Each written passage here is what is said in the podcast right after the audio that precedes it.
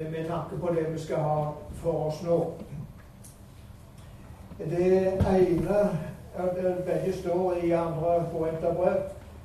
Det som vi leser først, er fra kapittel 11 og vers 3, der det heter slik Men jeg er redd for at liksom ormen dåra Eva med sin list, således skal òg dukke tanker verta forderva og vende bort fra den eifelte og reine truskapen mot Kristus. Og det andre fra kapittel 10 og vers 4 og 5. For våre våpen er ikke kjødelige, men mektige for Gud til å støyte ned festninger.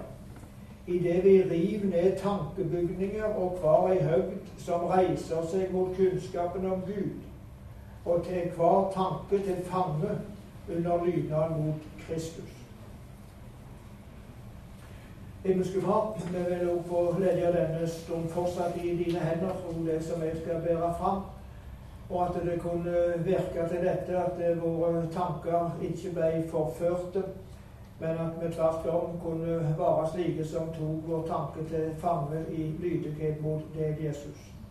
I alle ting, i vår tenkning og i våre liv, i det store og i det små, og i disse ting som gjelder og ikke minst i disse ting som gjelder forholdet til ditt eget ord.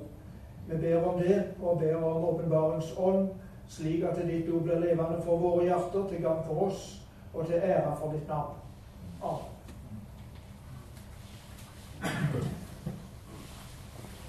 Eh, vi har jo fått, har jo fått et, et, bestemt tema, som, eh, som er jo ei, ei stor sak naturligvis, om åpenbaring og fornuft.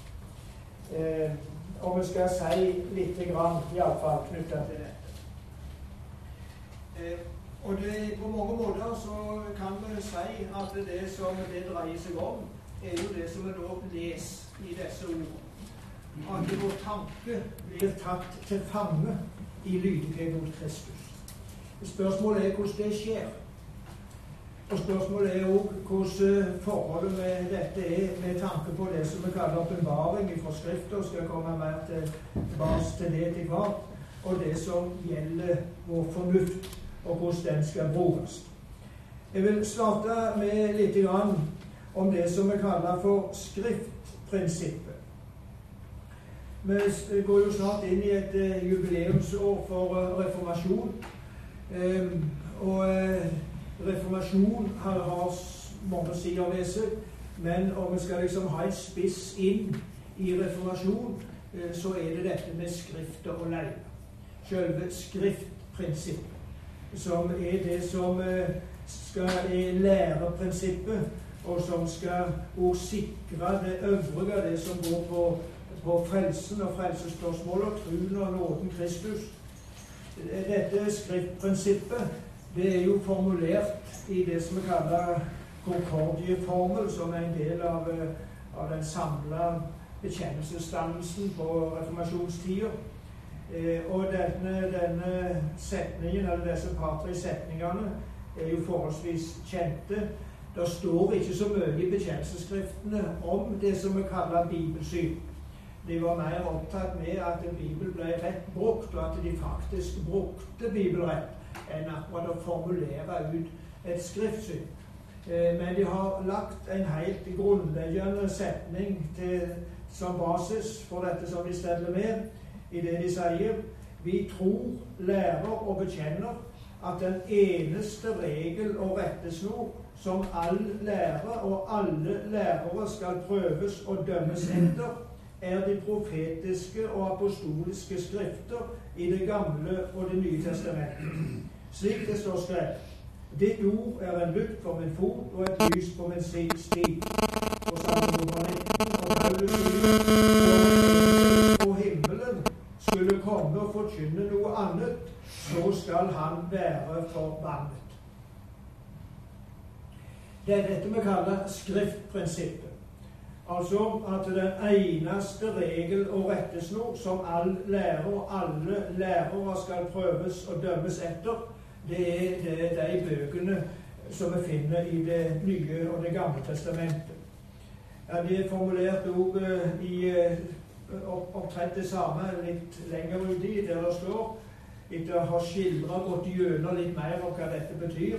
På denne måten blir forskjellen mellom Det gamle og Det nye testamentets hellige skrifter og alle andre skrifter bevart. Den hellige skrift blir den eneste dommer, regel og rettesnor som alle læresetninger skal og må prøves og bedømmes etter. Som den eneste prøvestein på om de er gode eller onde, rette eller urette. Slik er altså det vi kaller skriftprinsippet formulert. Eh, og så kjenner vi jo til, med å referere tilbake til Luther, eh, hvordan Luther sier dette her står jeg og kan ikke noe annet, eh, i det at han kjente seg samvittighetsforplikta på det som står i Skriften. Og skulle de eh, få han til å forandre syn, så uh, måtte det gjøres klart ut ifra forskrifter eller klare grunner, som han sier. Dvs. Si helt entydige argument ut ifra det som, uh, som Skrifta lærer. Som vi sier, i, i, nå er det slik at den, de lutherske bekjennelsesskriftene de er jo samla i en tjukk bok som vi kaller Concordieform. Det er Concordieboka. Og, og, og, det er bare en liten del av de som er bekjennelsesskrifter i vår lutherske kirke. Bare en liten del. I den norske ja, det, i, ja, det, ja, det kan være litt forskjellig i ulike sammenhenger. Men nå tenkte jeg inn den norske kirka som vi kjenner fra 1600-tallet, når dette ble fastslått i kongeloven. Og som, så, så, er det bare en liten del. Eh, og i, som jeg sier, i disse bekjennelsesskriftene så er det ikke utforma et, et, detaljert bibelsyn eh, utover dette som, som selve skriftprinsippet eh, slår fast. Eh, og noen har jo da vel meint at eh, med det så er ikke, er ikke dette med bibelsyn så viktig. Eh, og at en kan ha noen forskjellige bibelsyn. Og gjort liksom opp til tider et problem av det. Men i, i, i bekjennelsesskriftene, i tillegg til det jeg nå har lest, det kommer til uttrykk argumentasjonsmål. Det kommer til uttrykk ved at det det som er, er, er poenget, er å få eh, Og i fortall til det som er gjerne hovedbekjennelsesskriftet i Luther-sammenheng, Augustana, der heter det slik at de, de, det som her er skrevet, det er, slik en har framstilt læra ut på de hellige skriftene og Guds rene ord.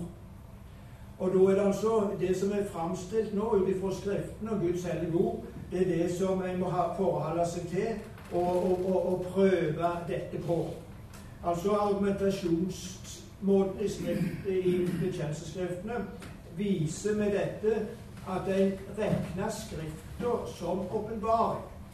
Som det en har forholdt seg til, og som gir oss den sanne lære. Ingen annen plass finner vi åpenbaring enn i Skrifta. Slik er det tenkt.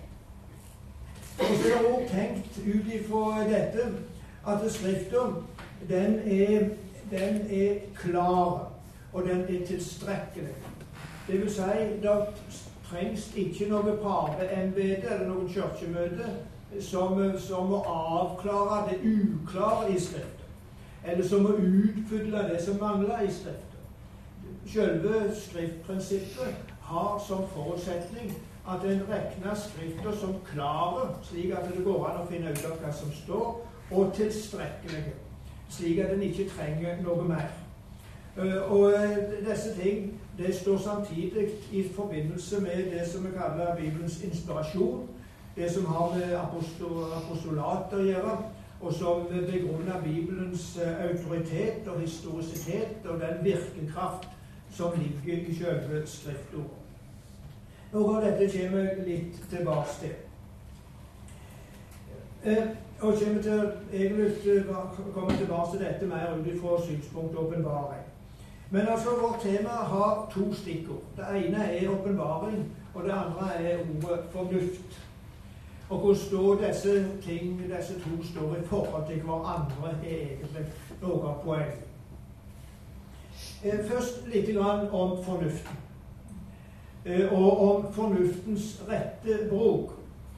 Fornuften kan altså brukes feil. Luther kunne omtale fornuften som ei hore som, som inngår kompaniskap der en ikke skal gjøre det. Men det er òg en rette bruk, naturligvis, av fornuften på ulike plan. Noe av dette får vi fram ved dette som vi taler om som, som regimentslære. Det åndelige og det varslige regimentet. Der det åndelige regimentet er det som har med frelsen å gjøre, og med det som der, der vi er fullstendig avhengig av åpenbaring. Mens det varslige regimentet, det er det som har med livet på denne jord å gjøre. Begge deler er Guds. Det er Guds verdslige og Guds åndelige regimente. vil Si, det er Gud som en står ansvarlig for, og det er Gud som arbeider via disse. Et regimente betyr egentlig en styringsmåte. En måte styrer Gud til frelse, og en annen måte styrer han på med tanke på livet på denne jord. Og da er det slik at uh, det varslige regimentet det kan vi på sett og vis definere som fornuftens regiment. Når jeg, er en ulærd mann, altså. Jeg har ikke noen stor akademisk utdannelse i mitt liv. Men jeg har et mellomfag i kristendom fra lærerakademi. Det er min, det er min utdannelse av formell karakter. Og, der husker jeg at når jeg tok dette, så hadde vi noe som heter religionspedagogikk ved Ole Øystese. Og han understreket veldig sterkt, minnes jeg dette, at fornuften eh, rykker eh, Det verdslige regimentet rykker så langt som fornuften, og motsatt. Slik at eh, fornuften den er innen det verdslige regimentet, og så langt fornuften rykker, så langt rykker det verdslige regimentet. Og, og, du kan si motsatt. Det verdslige regimentet det rykker så langt som fornuften rykker. Det vi kan bruke vår fornuft til, og klare oss ved vår fornuft, der er vi det verdslige regimentet. Samtidig så er det noe i Skrifta som går som, eh, som, vi må ha med, som er gjerne et hakk lengre. Eh, fordi det er så åpenbart ut ifra naturen hva som er. Eh, og Derfor er det talt om det vi kaller for naturretten. Eh, og med det, det som har med det vi kaller den naturlige lov, og, og som går opp imot vår samvittighet. Det med samvittigheten skal ikke jeg si noe om, fordi det skal dere ha, ha seinere. Det ligger på kanten noe av mitt eh, emne, men det er veldig sentralt og viktig i, eh, i vår tid. Det som jeg går på naturretten, er jo særskilt eh, en tenkning i etikken i, eh, i den katolske kirken. Men vi har noen drag av det òg inn i luthersk sammenheng. Eh, og det er brukt noe utover dette, og litt mer allment. Dere er sikkert klar over, iallfall en del av dere, at i, i oppgjøret etter siste verdenskrig, når de ble stilt til ansvar for uh, sine handlinger, eh, og nedover i systemet, og ikke bare helt toppene i det tyske eh, militærvesenet, så, så kunne de ikke skylde på bare sine overordnede Eh, fordi de var personlig forplikta ut ifra det som ble definert som naturretten. Altså at det, naturen tilsa at det de gjorde, var feil. Og med det så ble de gjort ansvarlige. Det er òg opp imot vår tid så synes jeg her er litt eh, å hente òg for vår del. Eh, og ifra et annet av våre lutherske bekjennelsesskrifter, som altså står i i, i Concordia-boka, men som ikke er med i disse fem som Den norske kirke har, så er det et eh, bekjennelsesskrift som er eh, apologien, såkalte, for, den, for Augustana. Og der, i en artikkel 23 om presters ekteskap, når en skal begrunne ekteskap, så, og, og retten til å, å gifte seg så er, det vist til en naturens rett. Og det er interessant, synes jeg, at dette er med i denne apologien. Og med tanke på den diskusjonen som vi har i dag om samlivsspørsmål i Den norske kirke. Og når prestene da ble nekta å gifte seg, så sies det at det er mot guddommelig rett og mot folks rett og mot uh, Kirkemøtet sine oppfatninger nettopp uh, dette. Jeg skal ta med lite grann uh, derifra for å få fram noen punkt. Det heter det, og Selv om dette nå er sagt opp imot dette med sølibat i den katolske kirka, så er selve tenkningen altså av betydning utover det. Og det viser at en tenkte i, i denne type spørsmål ut fra en form for naturrett. Dette, den lov om sølibat som motstanderne forsvarer, kan vi, ikke, kan vi ikke forsvare. Fordi den strider mot guddommelig og naturlig rett, sier de. Eh, og de mener at dette er, er, er veldig klart, slik som eh, Eh, dette kommer fram.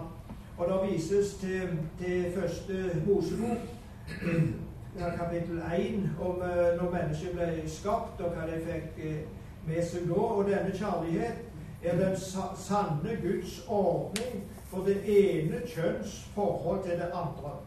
Men da kan denne Guds ordning ikke oppheves uten en enkeltstående handling av Gud.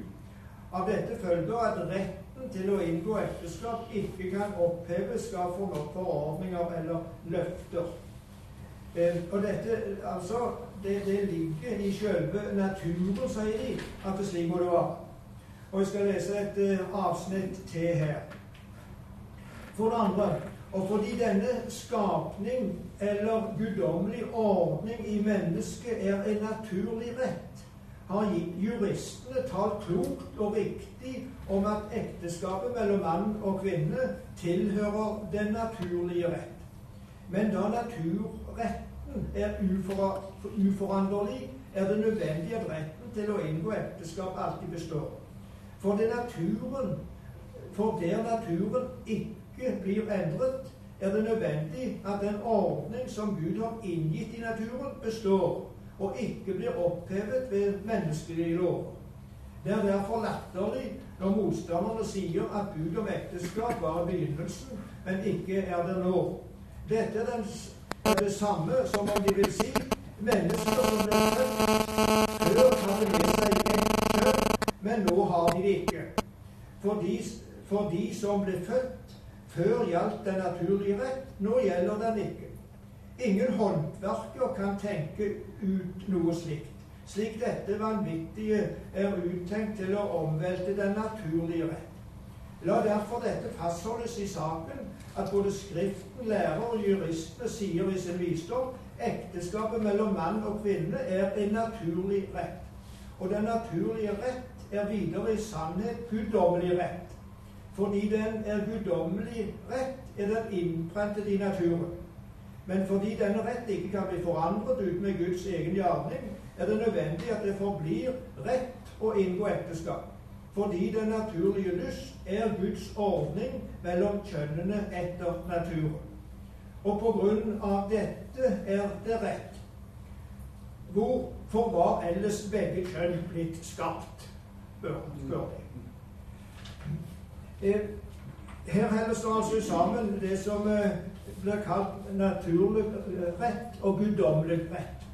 Eh, og Den guddommelige retten er jo primært åpenbart i Skrifta, men vi kan òg se altså at ut ifra naturen at det slik må dette være.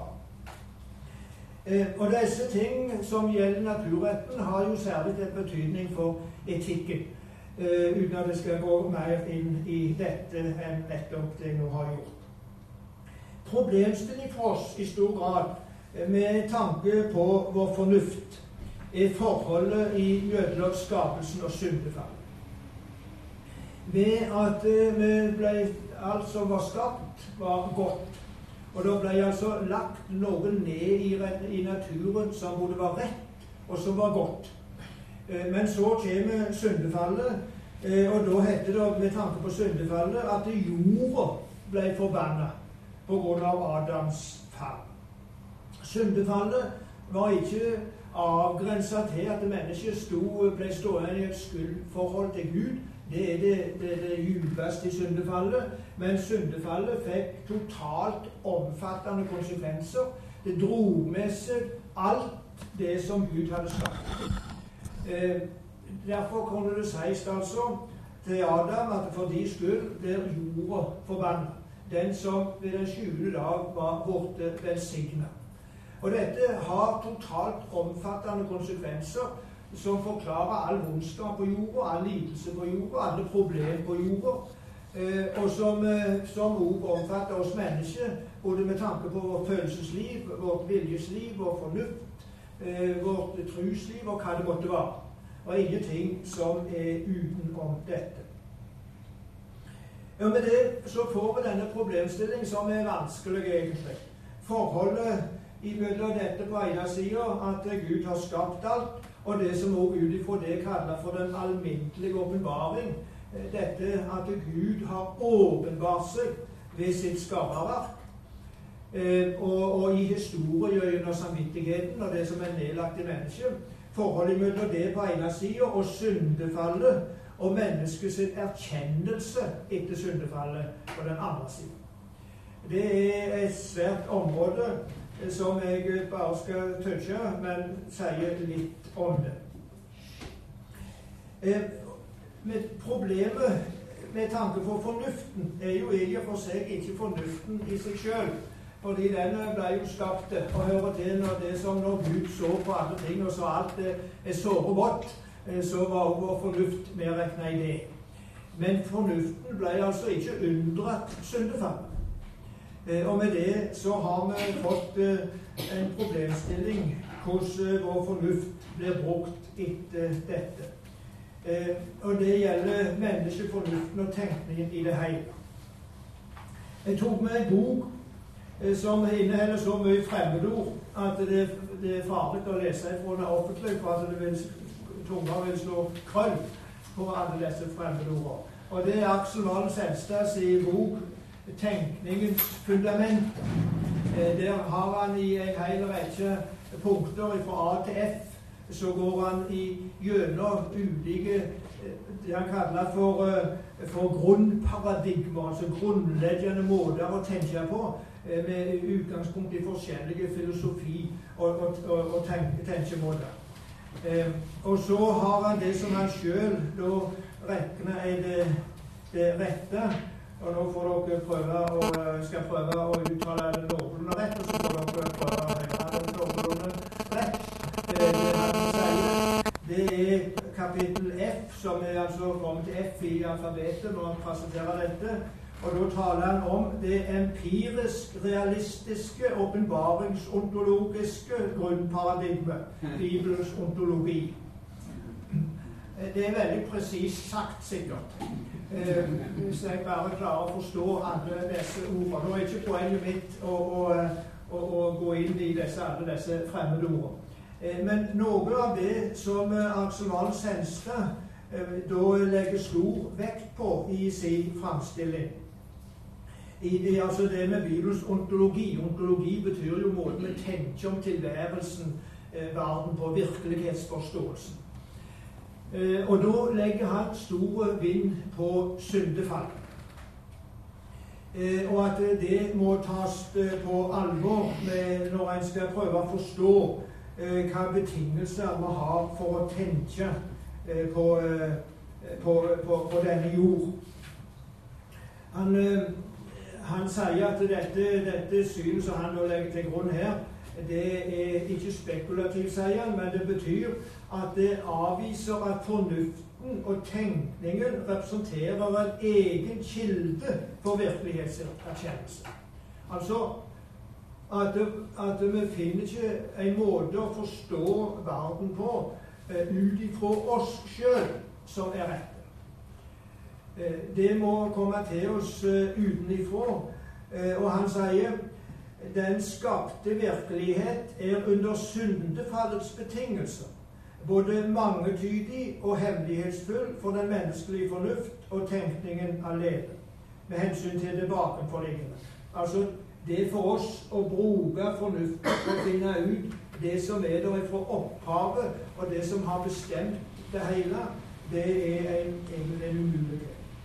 Um, denne troen på åpenbaringen som ontolog, Da taler om denne troen på åpenbaring som ontologisk fastpunkt. altså dette at uh, vår fornuft ikke er det faste punkt for vår tenkning, fordi det vil være flytende. Uh, det faste punkt for vår tenkning, det må være åpenbaringen i Skriften. For alt annet vil bli flytende i, i, i dette. Han viser til et par, par bibelvers i denne sammenheng som jeg tar med om det ganske kort. I Romerbrevet 8 så heter det slik i vers 20 Skapningen venter og lengter etter Guds etter, nei, det, det, var vers 19. Jeg kan ta med det forresten. For skapningen venter og lengter etter Guds bånd skal åpenbares. Skapningen ble lagt under forgjengeligdom. Ikke frivillig, men etter hans vilje, som la ham under forgjengeligdom.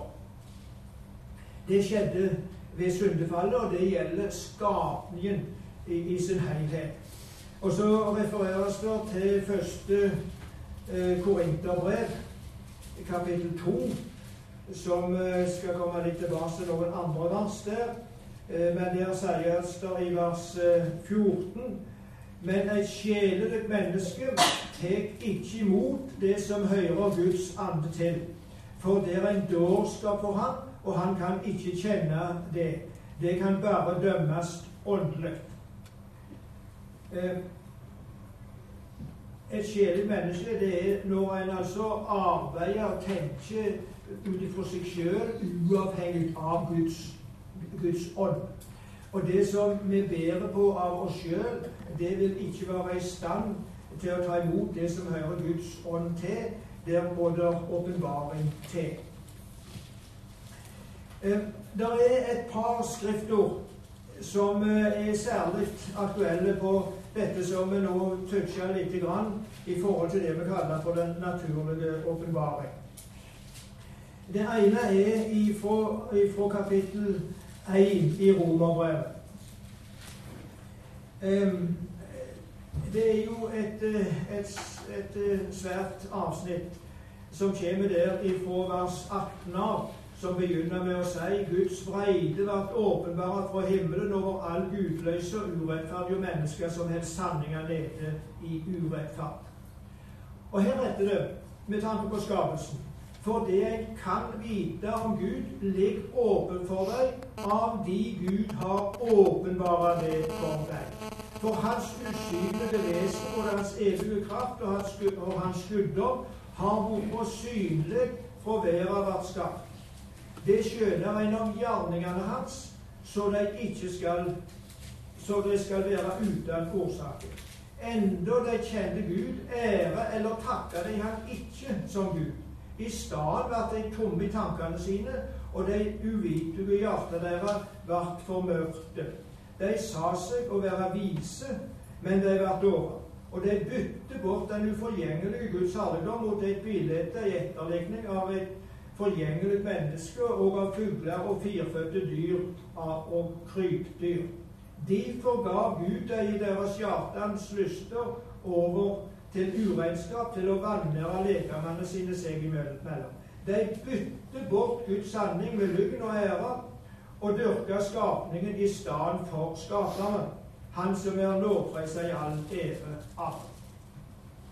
Det som her kort sagt står, det er at ut ifra Guds gjerning i skaperverket, så burde mennesket kjenne. Og før syndefallet så kjente en Gud ut ifra det som var dette ytre. Men på tross av at Gud slik har gitt seg til kjennes i skaperverket, så har Gud, så har mennesket vendt han ryggen og gått andre veier og danna sine egne trusoppfatninger og religioner. Og hvorfor er det slik at en danner seg sine egne religioner? Ja, Det kan det sies mye om, men det har som utgangspunkt dette mennesket er skapt i Guds bilde, og evigheten er nedlagt i våre hjerter. Derfor vil det alltid og i alle folkeslag og kulturer være slik at mennesket søker noe utenom seg selv. Det at mennesket er skapt i Guds bilde, det har flere sider ved seg, men særlig dette at vi skapte til samfunn med Gud. Og Det ligger altså noe i oss i at vi blir skapt i Guds bilde som, som gjør at vi søker noe større. Et samfunn med noe over oss og utenom oss. Noe evig, evig er nedlagt i vårt hjerte. Og denne, Dette samfunn med Gud det kommer jo i første Mosebok kapittel 1 og 2 til uttrykk ved at Gud møtte opp i Edens hage og gikk i lag med Adam Eva og snakket med dem. Så ble Adam og Eva ved syndefallet jagt ut av Edens hage. Og med det så fikk de ryggen mot Gud.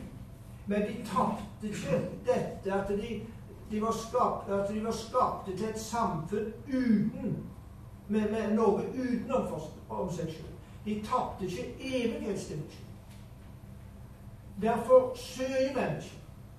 Men i og med syndefallet kom, og fornuften vår ble, ble fanga inn av syndefallet, og alle religiøse følelser i oss og all religiøsitet òg ble fanga inn av syndefallet, så søker en mot avgudet. En søker aldri hen til korset, men en søker alltid vekk ifra korset. Men det er en søkning. Og Derfor er det veldig sjeldent Jeg sier det som til litt i flei at de som er skikkelige, skikkelige artister, de er så få at jeg kunne fått bilder av de hengt opp på veggen i stua, alle sammen. Når det er de, de som, som, som, virkelig er ekte. Det er mange som definerer seg for det, men, men, men det ligger noe der uansett. Og i alle kulturer, til alle tider i historien, så er det eh, Tror de på et eller?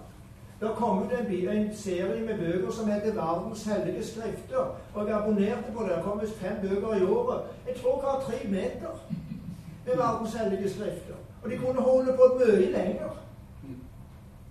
Men du trenger ikke store plass til bokhyller for å samle norske bøker om ateisme. Den første norske bok om ateisme kom på 1990-tallet. Det er en ukjent sak i historien, praktisk talt. Og, og, det er praktisk talt en ukjent sak òg globalt sett i dag. Det er bare her i Norge og Sverige og borti England som har noe er det. Og så eksporterer vi litt av denne ateismen til andre land. Men generelt sett så er det en ukjent sak fordi den er i strid med skapelsen. Ateismen er skaperstridig naturstridig, fordi vi skapte Guds bilde. Men dette betyr ikke altså at mennesket av seg sjøl søker den sanne Gud. Det setter syndefallet en stopp for. Slik at mennesket i sin søkning søker vekk ifra Gud. Og Jeg minnes tilbake til når jeg tok dette mellomfag på NLA. Og Arve Brunvoll gikk gjennom dette her med oss så sier han Romerbrevet 1, der du får, får, presentert den naturlige åpenbaring, viser at den naturlige åpenbaring er domsåpenbaring. Altså, den, den, den, den, eh, viser ikke til frelse, men den åpenbarer at folk burde ha trodd på Gud ut ifra skapelsen. Men når de ikke gjør det, så er det av deres synd og syndefallet. Og med det så hviler der dom over Det er en domsåpenbarelse. Det har jeg eh, for så vidt tenkt en del på etterpå.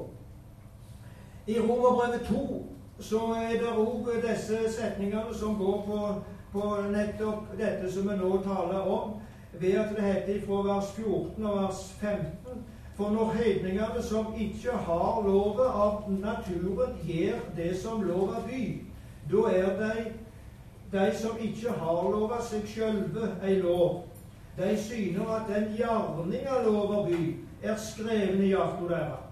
om tankene vitner òg samvittet deres og tankene deres som innbyrdes klager eller òg forsvarer deg.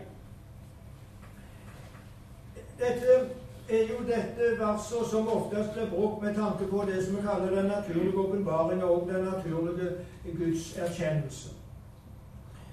Eh, Olof, nei, Aksel Senstad når han tilrettelegger disse ting, så skjer det nokså skarpt imellom det som vi kaller den naturlige åpenbaring.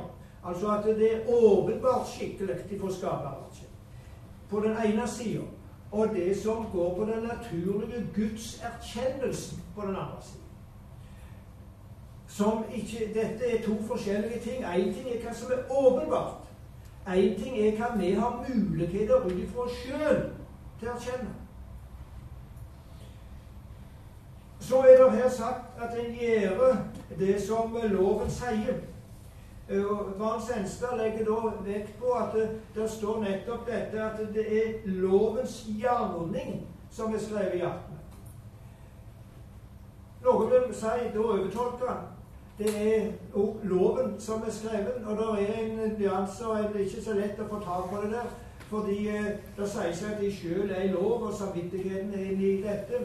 Men det er en nyanse. Det er noe som her står om lovens gjerning. Og da ligger det to sider i dette som vi her, her, her skriver, eh, her, her taler ut ifra dette. Det ene er det som loven og Gud har lagt ned, som vi til en viss grad kan erkjenne ut ifra vår fornuft og det vi har talt om som naturretten. Men det som jeg tror her primært er talt om, det er nettopp med understrek på lovens gjerning. Dette har Gud gjort. Gud har ikke gjort seg avhengige av at folk forstår seg på loven og erkjenner den fullt ut, for at de i hovedsak skal leve etter.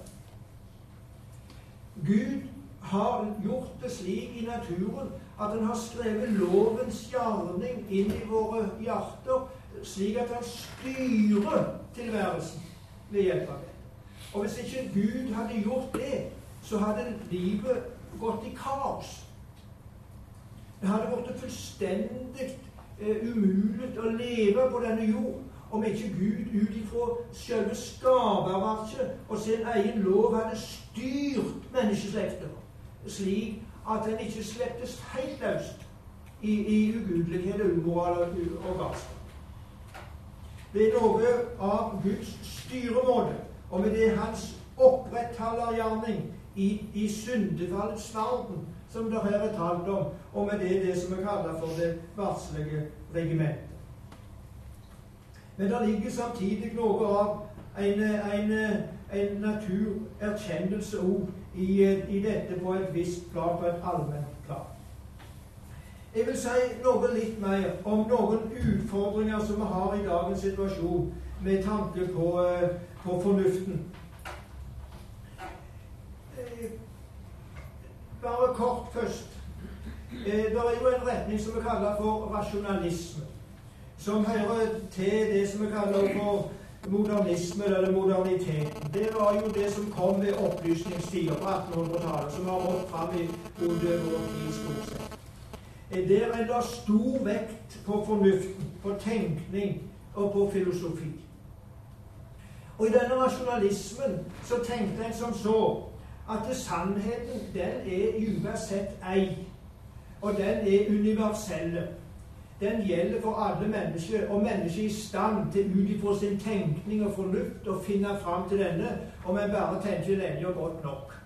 Og hvis, jeg, hvis en driver på med det, så vil en bli enig.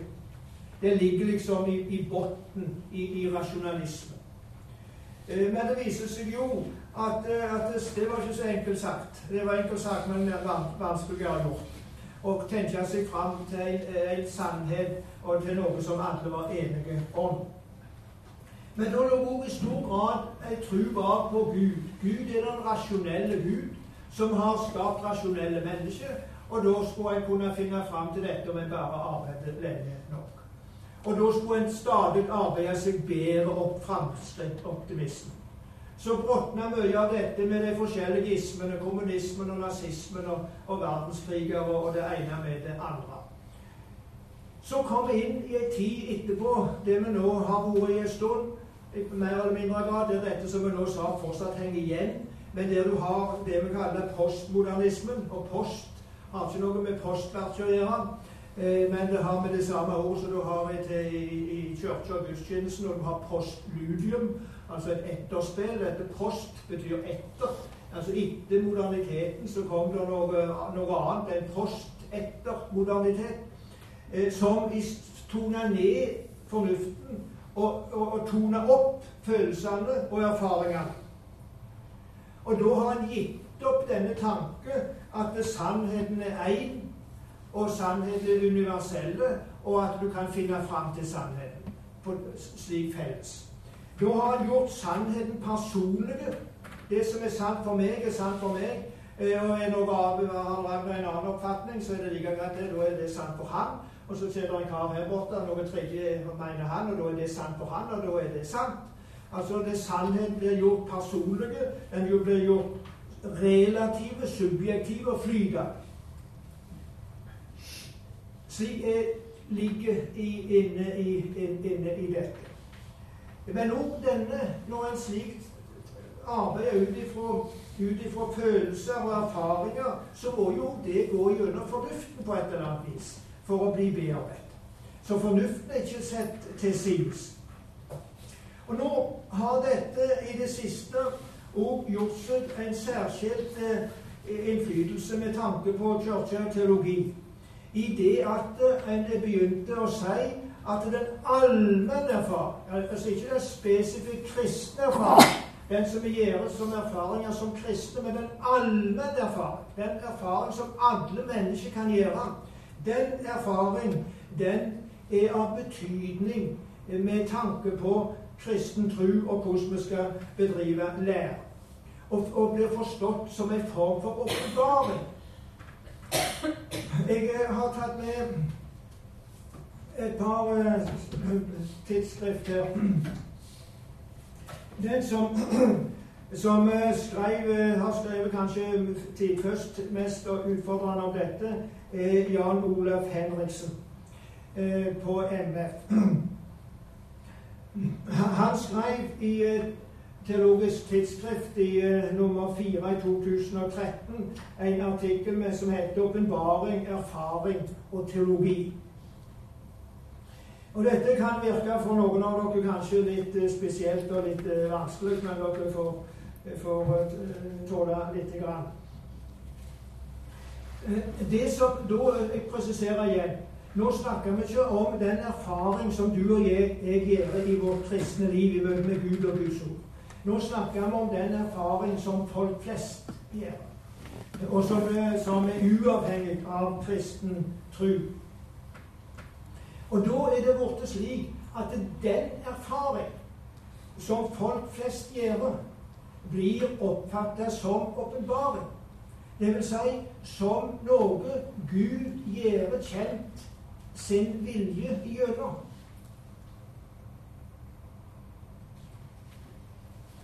La meg lese noen eh, litt grann her.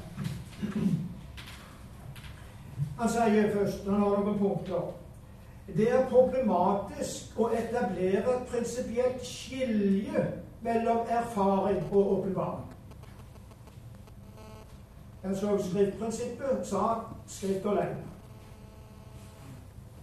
Han sier det er problematisk å gjøre et prinsipielt skilje mellom Skrifta og, og, og det som gjør av erfaring.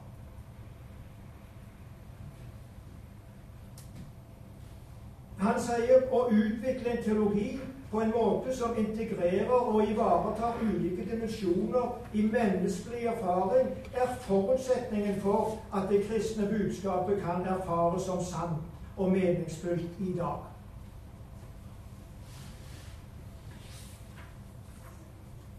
Dette betyr egentlig altså, vi skal si det i, i, i kortform, at eh, skal vi utvikle en sann teologi, så nytter det ikke å utvikle den bare ut fra Skrifta. den må utvikles i en kombinasjon av skrifter og den erfaring, de opplevelser, som folk gjør i samfunnet. Og den første plass så iallfall jeg oppdaget dette i norsk sammenheng, det var litt før det, denne artikkelen hans, eh, og som han òg gjør oppmerksom på. Og det var i dette såkalte Samlivsutvalget sin utredning om, eh, som kom i 2013. Eh, som nåværende presses i bispemøtet Lete. Og der heter det annet slik at dette betyr for det andre at det i en utredning som dette ikke bare dreier seg om å se det allmenne i lys av kristen tro, men også om å se den kristne tro i lys av allmennmenneskelig livserfaring.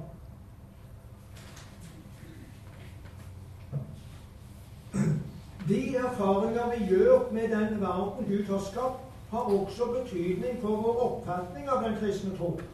Hvis vi den kristne talen om ekteskapet ser bort fra det vi med en viss med en vid betegnelse kan kalle for allmennmenneskelig livserfaring, vil det vi taler om, ikke lenger være allment. Det som kristendommen sier om samliv og ekteskap, må derfor ikke bare prøves på grunnlaget for den kristne tro, men også på allmennmenneskelig livserfaring. Hvordan dette skal gjøres, og hva det rent prinsipielt og metodisk innebærer, er et stort og omstridt spørsmål som det ikke er vår oppgave å gjøre nærmere rede for her. Poenget i vår sammenheng er å framholde at det som her eh, sies om samliv og ekteskap, ikke bare kan forankres i kristen tro, men på en eller annen måte må også må forankres i allmenn livserfaring.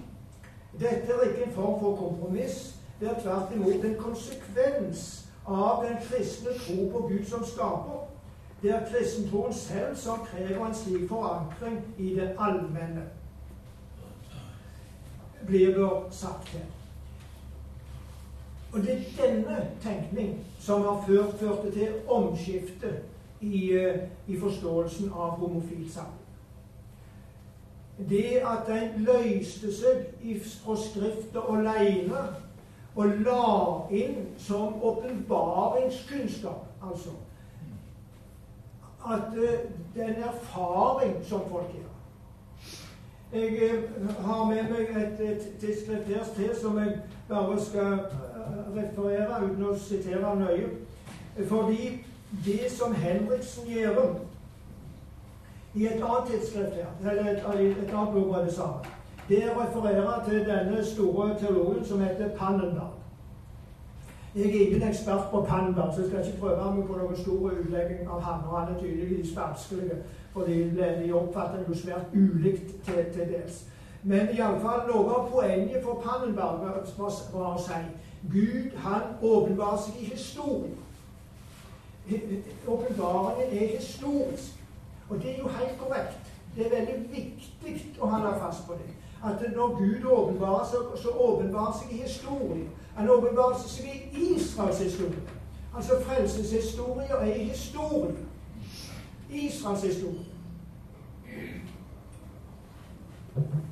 Det er historier fra skapelsen av og fram gjennom. Profetene levde i hver sine tider i historien. Og inkarnasjonen med Jesus som ble menneske, er jo det mest tydelige av all inkarnasjon i historien. Åpenbaring i historien. Profetene levde i historien. Apostlene levde i historien. Det fins ikke åpenbaring uten i historien. Det er historiske hendelser. Det er ikke kristen tro, det er ikke en filosofi, en, ta en tankebygning, en idé. bare men det er, det er en åpenbaring i historien. Men så skjer det at i, forlengelsen av dette, og delvis som del av Pannenbergs tenkning, og delvis måten de bruker det på, det er at det, at det som skjer i historien som sådan, blir betrakta som åpenbaring. Altså at historien åpenbarer Gud. Ikke bare at Gud åpenbarer seg inn i historien, men historier som sådan blir åpenbar. Eh, og da da forandrer jo åpenbarelsen ut ifra historie og ut ifra erfaring. Eh, og, og Henriksen sier at for han og for mange andre så ble denne, denne orienteringen Kangenberg det som åpna skapte en ny vei i teologien. Vekk ifra det som de var opplært i på bedehuset av konservativ teologi, inn i en ny måte å tenke på. Det interessante er at eh, Henriksen bruker dette som, som en, en, en, vei inn i en ny forståelse av homofilt samliv. Mens Pannenberg sjøl var kolossalt mot homofilt samliv. Og, og denne nye ekteskapsforståelsen. Så det viser òg at denne måten å bruke på erfaringen på, og historier på, den kan lede til hva som helst. Samtidig, og det som nå naturlig føler i forlengelsen av dette, det er at det nå forsvinner ut læren om fortapelsen ut. Nå var jo uh, Jørgensen, Torbjørn Jørgensen ute med dette. Vi hadde Bjørn Eidsvåg i fjernsynet for litt siden. Uh, og det ligger i det samme. Når erfaringen, følelsen, opplevelsen, hvordan folk oppfatter ting, skal legges til grunn, så blir det en forandring etter tid. Den mest konservative ligger et hakk etter, og, og de som tenker sammen med leien, altså, men, men, men kommer med. Selve prinsippet blir altså feil i, i dette. En annen ting er dette at vi gjør våre erfaringer i møte med Gud, i møte med Guds ord, som betyr noe i vårt kristenliv, men ikke som åpenbaring av hva som er rett og galt, og som kan danne grunn for lære. Der, eh, jeg kan ikke bruke mer tid på det, for jeg må komme meg litt snart til å få slutta, ser jeg. Jeg, jeg har med et, et tidsskrift her som jeg hadde tenkt å si litt om, og det er bare å skumme. Det er òg en, en, måte som nå er kommet opp på innen konservativ teologi, som jeg er noe spørrende til eh, i, i bibelsynsspørssammenheng. Og det er det de kaller for en koherensteoretisk nettverksmodell. Det er jo så vanskelig å si at du må se ned i manuset for å klare uttale disse, disse ordene. Du kan bare glemme ord og ord. Men poenget da er at du skal bruke all den kunnskap som du bare kan. Du skal ha et nettverk av kunnskap. Og så skal det koherent. Du skal ha alle disse forskjellige kunnskapene som du da samler deg inn. De skal dra deg sammen som i en nettverksmodell. Eh, og da vil, vil eh, en, eh, en si at Bibelen og det åpenbarende i er jo det, det grunnleggende i dette nettverket. Men i den grad en da òg skal holde dette sammen med annet, så blir det til hver tid et spørsmål. Ja, hva annen type da?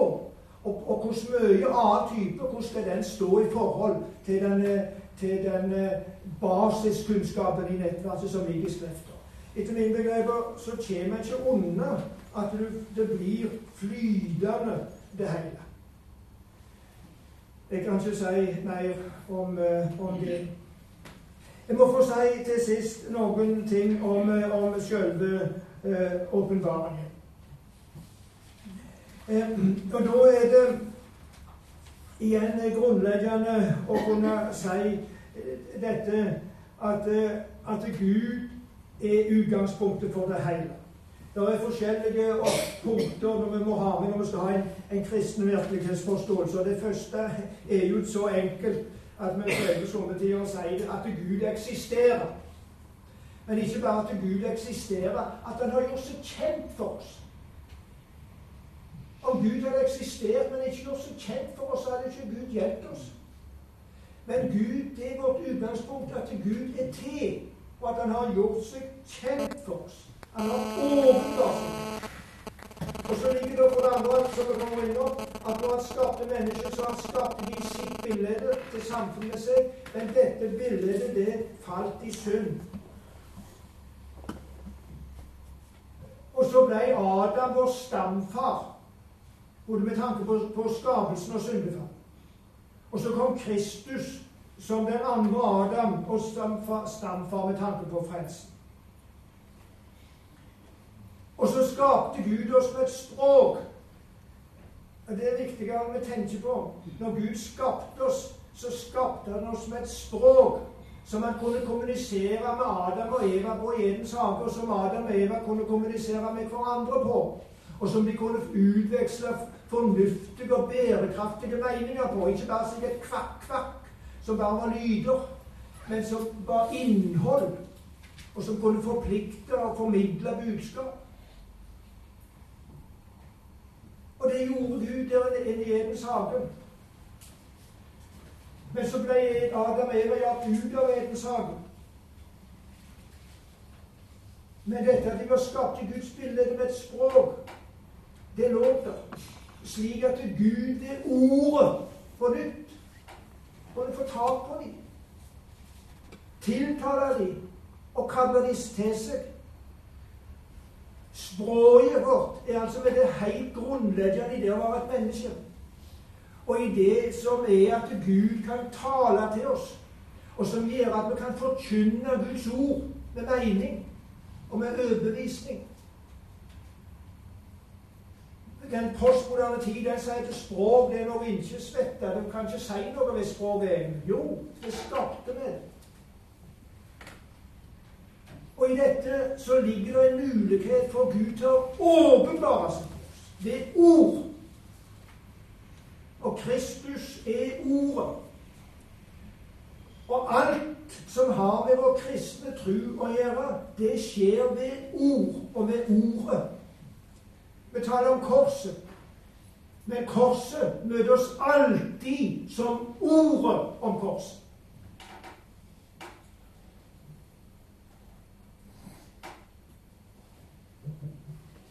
For det ene så er det veldig få som har sett Jesu kors.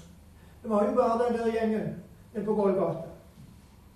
Og heller ikke de hadde forstått hva som skjedde om det ikke lydde et ord opp imot oss. Det måtte åpenbares. Slik er åpenbaringen. Vi er helt avhengige av ord. Ordet om korset og åpenbaringen i det hele. Det heter jo i 2. Timoteus brev at Gud han eh, hadde ordet det utånda. Og det innånda. Du kan jo det heter seg der med tanke på det der vi taler om som inspirasjon, at, eh, at Skrifter er inspirert, eller at den er utånda. Eller innånda. Du kan egentlig referere til Guds pust.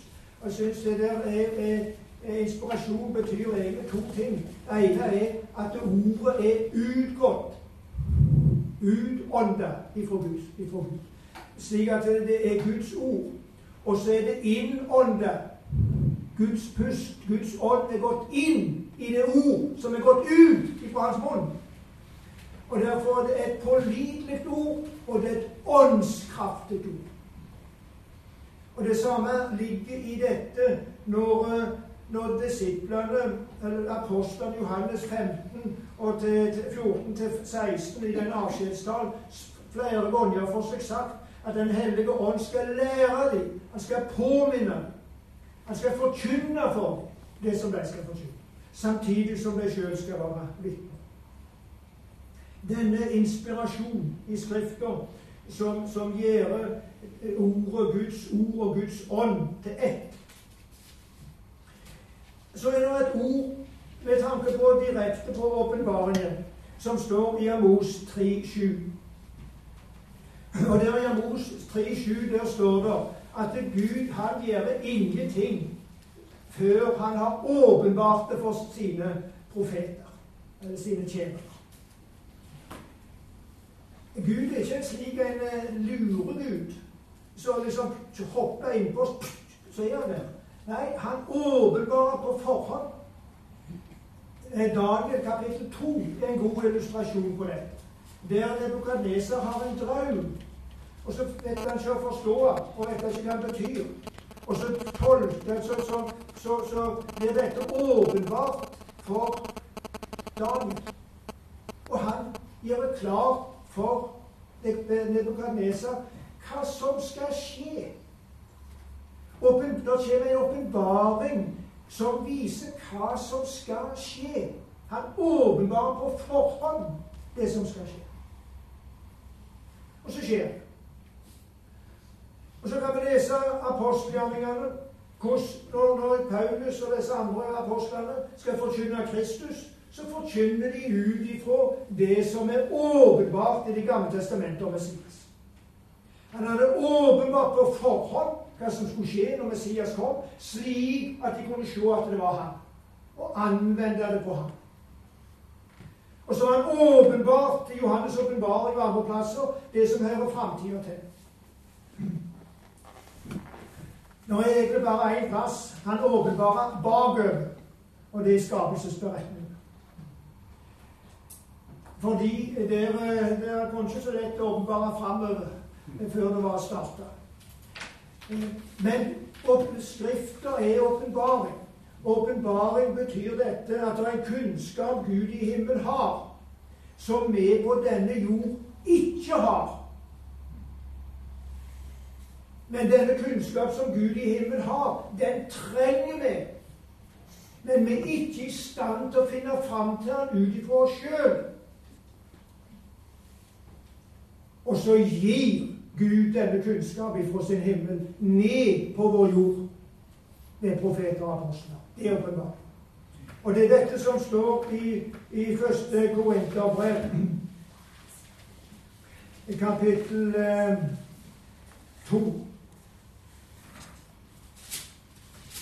I eh, vers eh, 9 og da i vers eh, 10. Første Korinterbrev 2, 9 og 10. Men som skrevet står, det som øyet ikke så, og øret ikke hørte, og som ikke kom opp i noe menneskehjerte, det har Gud etterlatt de som elsker oss. Men oss har Gud åpenbart det ved sin ande. For anden gransker alle ting, også dybden i Gud. Det var altså noe som Gud hadde tenkt til oss, men som ikke kom opp i vårt hjerte som vi ikke var i stand til å finne fram til. Og så gir Gud oss til åpenbaring. Og det har han endatil gjort helt tydelig. Og dette forkynner vi ikke med ord som menneskelig visdom har lært oss, men med ord vi har lært av Anden. Vi tolker åndelige ting med åndelige ord. Og så sier Paulus i Feserbrevet i kapittel 3 hvordan dette har vært der hele tida, at det òg gjaldt hedningene. Men det var en hemmelighet, sier han. Det var skjult. Og så blir det nå gjort kjent ved åpenbaring. Jeg sier igjen åpenbaring.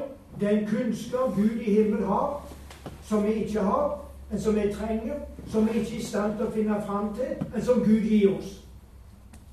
Og det er vår verden. Og hele vår bibel er slik. Gud han har åpenbart hvordan han skapte. Vi visste ikke det. Ingen var til stede og så skapelsen. Men Gud, i åpenbarings Gud, har åpenbart hva som skjedde når han skapte. Det er ingen som har vært der framme og sett inn på den nye jord og sitt Jesu gjenkomst. Men Gud har åpenbart det for oss. Han har oversikten over. Han vet hva han, hva han har tenkt å gjøre, og hvordan han gjør det. Og så har han åpenbart det. Og enda til, til, til, til Ragnar han har jo et doktorgrad.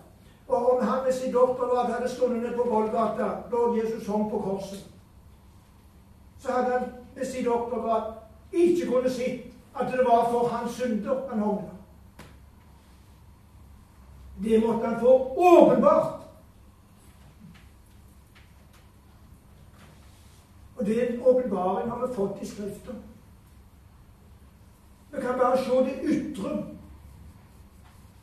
Og det vil vi komme til å tolke feil om vi ikke får åpenbaringsånd. Og så er det ikke alt Gud har åpenbart. Og det som han himmel, i sin himmel for seg sjøl nå, det la han holde der. Det skjulte hører Herren til, heter det. Og et av de gode eksemplene vi har på at Gud ikke åpenbarer alt for oss, det er Jobbs bok, kapittel 1 og kapittel 2. Der er det et møte i himmelen der de snakker om jobb. Det vet ikke jobb på denne jord om. Men i himmelen så legger de en plan, og den blir gjennomført. Jobb vet ikke om det. Ikke vennene hans heller. Vi kan lese det og lære av det, for vi har fått det åpenbart. Ja, nå skulle jeg ha sagt det, men jeg skal bare si to små ting til. Er ikke så små, er korte. Eh, det er ifra eh, at dette som vi nå taler om, er stort. Det er vi avhengige av i den enkelte av oss sitt liv. Det har jeg nå for så vidt sagt litt om. I Matteus evangeliet kapittel 11 så heter det slik fra vers 25 til 27 På den tid tok Jesus til orde og sa:" Jeg lover deg, Far, Herre over himmel og jord, fordi du har løyd det for vise og forstandige, men åpenbare det for umyndige. Ja, far, for således hendte det som var til hugna for deg. Far min har overgitt alt til meg, og ingen kjenner Sønnen uten Faderen. Heller ikke kjenner noen Faderen uten Sønnen, og den Sønnen vil åpenbare det for. Åpenbaringen er altså knytta til Jesus. Men så står det denne merkelige ting at han har løynt, altså skjult for for vise uforstandige. nei, vise forstandige, men åpenbart for umyndige. Hva betyr det?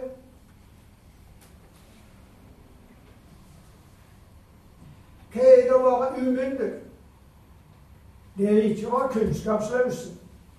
Det er ikke å være en tosk. Men det er å være avhengig av en annen. Det å være avhengig av en annen. Den umyndige, et barn Nå i denne datatid som er evig, så er det jo mange unger som har mye, greier på dat mye data enn foreldrene sine. Men de er umyndige. De er avhengige av den andre. I Efeserbrevet står det at vi ikke skal være umyndige. Her er det jo et poeng å være umyndig. Men det som vi ikke skal være umyndige, for de står der vi skal, ikke, vi skal ikke være underlagt denne verdens krefter og lærdomsvinder. Gud åpenbarer det ikke for den vise og forstandige, dvs. Si den som mener at dette finner Gud av sjøl.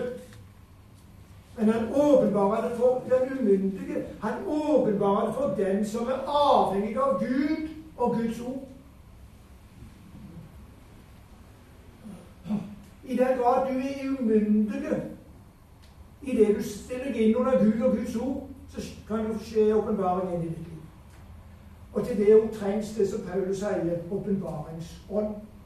Og derfor, når vi leser dette åpenbaringsord, så må vi be med Paulus om åpenbaringsånd, slik at vi får se inn i det.